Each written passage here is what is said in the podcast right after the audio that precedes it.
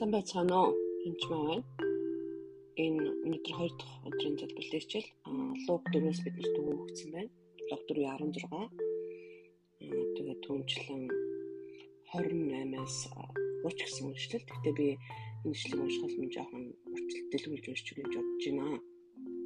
Тэгэхээр Есүс арын сүсээр дурж Йорданаас буцаж сүлд сүнсээр хөтлөгдөн ирсэн байгаа. Луг 4 4 дээр 40 өдрийн турш девол цавдж байгаа. Турш Тэгээд тэр үеийн турш тэр юу ч идээгөө тэдээс учир тэдгээр өдрүүдийг дуусан дараа ихэд өсөж байгаа.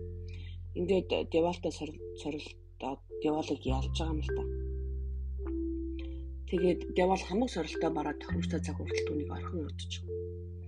Ингээд Есүс сүнсний хүч дотор Галил буцаж ирээд хүмүүс синагог тичээл заагаад тэгээд Есүс өөрийн хот өссөн хот Назарт ирж 16 дугаар эшлээс Есүс өөрийн өссөн хот Назарт ирж заялсан ёсоор амралтын өдөр синагогт орж судраас уншихаар босон.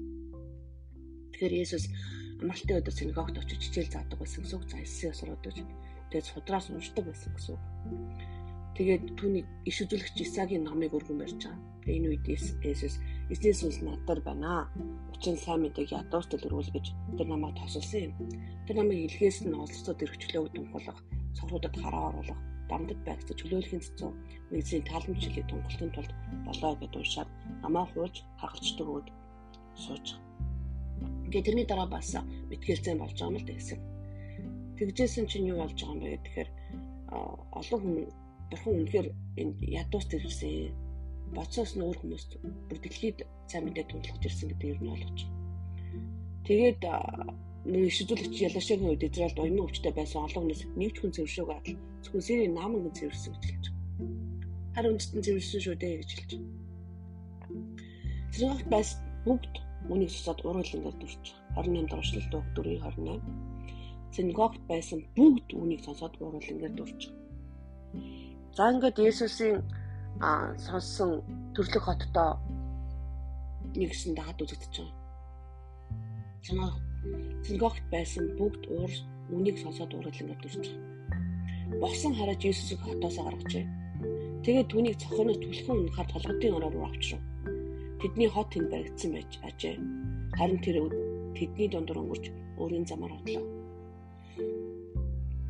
Юу гэсэн үг юм бэ гэхээр бид цанаа нийлэхгүй бодсоос чинь өөр байх үе заримдаа. Үнэхээр босон хараадаг. Тэгээд уур хэлэнгээр дүрдэг тэгээд эсрэгцдэг баг. Тэгээд энэ бидний төлөх мөн чанар. Санаа нийлэхгүй үед эсрэгцдэг. Тэгээд юу ч биш бүр үзэн ядаж алах гэж оролдож байгаа. Энэ бол бидний төрлийн мөн чанар. Харин бид аврагч эзнээ алах гэж оролдож байгаа. Яг л бидний хүсэл санаанд соёлд нийцэг учраас. Тийм учраас олон хүн Монголд Иесусыг арих үед энэ чинь гадны шашин буруу шүү дээ гэж эсрэгцдэг шуудалт түлхдэг. Бид одоо ч гэсэн Иесусыг хатан зохион дээрээс гэж түлхэж байдаг. Тэгэхээр бурхан биднэрт даалгавар л доо. Бурхан Иесуст маш хэцүү даалгавар өгсөн. Хамгийн хэцүү даалгавар энэ дэлхийн бүх хүмүүсийн гэм нүглийг түүнд тохоогоод очоод цовдлогдоод ирээ гэж явуулсан. Боддоо Иесус хэлээд эрхийн тэний хүү байсан бол яах вэ? Би чинь дээдийн дээд хааны хүүхчүүдээ орчлын ертөнцийг төрхөөс минь байсан. Энэ болгонд гим нүгэлтэй хүний төлөө би хүүх гэж үтэй. Үхгүй шүү. Би явахгүй гэсэн бол яах вэ? Танаа тэгж бодож байсан болов? Тэгсэн бол бид өдөөд үнэхээр Иесусийн тухай яриад Иесусийн тухай хэлээд магтаад байж байгаа гэж юу? Тэр үнэхээр даруй зурцлаар даалгавраа биелүүлээ гэж хэлсэн учраас энэ бүхэн болж байгаа. Даалгавар амархан байгаагүй. Хүн хүнд бурхан янз янзын даалгавар өгдөг. Иесусийн даалгаврыг хардаа төрлөх хоттой хүртэл хавчддаг ийм даалгавар өгсөн байна. Зүгээр welcome хөө бурхны хүү ирлээ баярлалаа гэж хүлээж авсан газар олон биш ээ. Түүнийг хавчиж зовоосон тэр хүмүүс дотор Иесусыг илгээсэн. Тэр хүмүүсийн нүглийг өрүүлгээр шүү бүр. Тэр боддоо Мосед бас даалгавар өгсөн. Тэнд байгаа зовж байгаа хүмүүсийг авруулах гэж.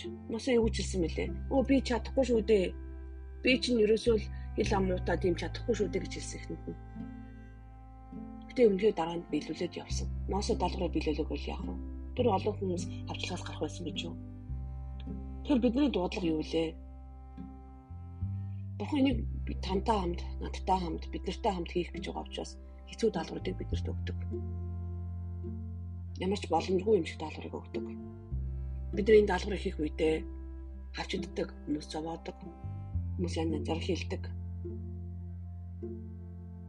Гэхдээ цаг нь болоогүй байхад бид нар тэдний хүмүүсийн дундуур өнгөрөөд өөрийн замаар атлаа гэж бодож чадна гэсэн. Иесус ямар хэцүү даалгаврыг биелүүлэх гэж ирсэн бэлээ. Тэг та Иесусыг хүлээж аваарай. Түүний хатан зохиноос бүгд түлхээрэй. Тэг Иесус тачсан таны амьдрал даалгавар өгч байгаа бол энэ даал би эзэн би таныг ямар нэгэн байдлаар хязгаарлаж байсан бол гимшиж байна. Би одоо хязгаарлахгүй та надтай хамт даалгавар хийгээрэй. Би таны яв гэсэн газар руу явъя. Сайн мэдээ тэр хүмүүст өгье. Хэлье. Тусал гэсэн хүмүүст хэлье. Надад хэцүү байсан ч гэсэн та надтай хамт хийх юм бол би хийя гэж хэлээрэй. Баярлалаа. thank you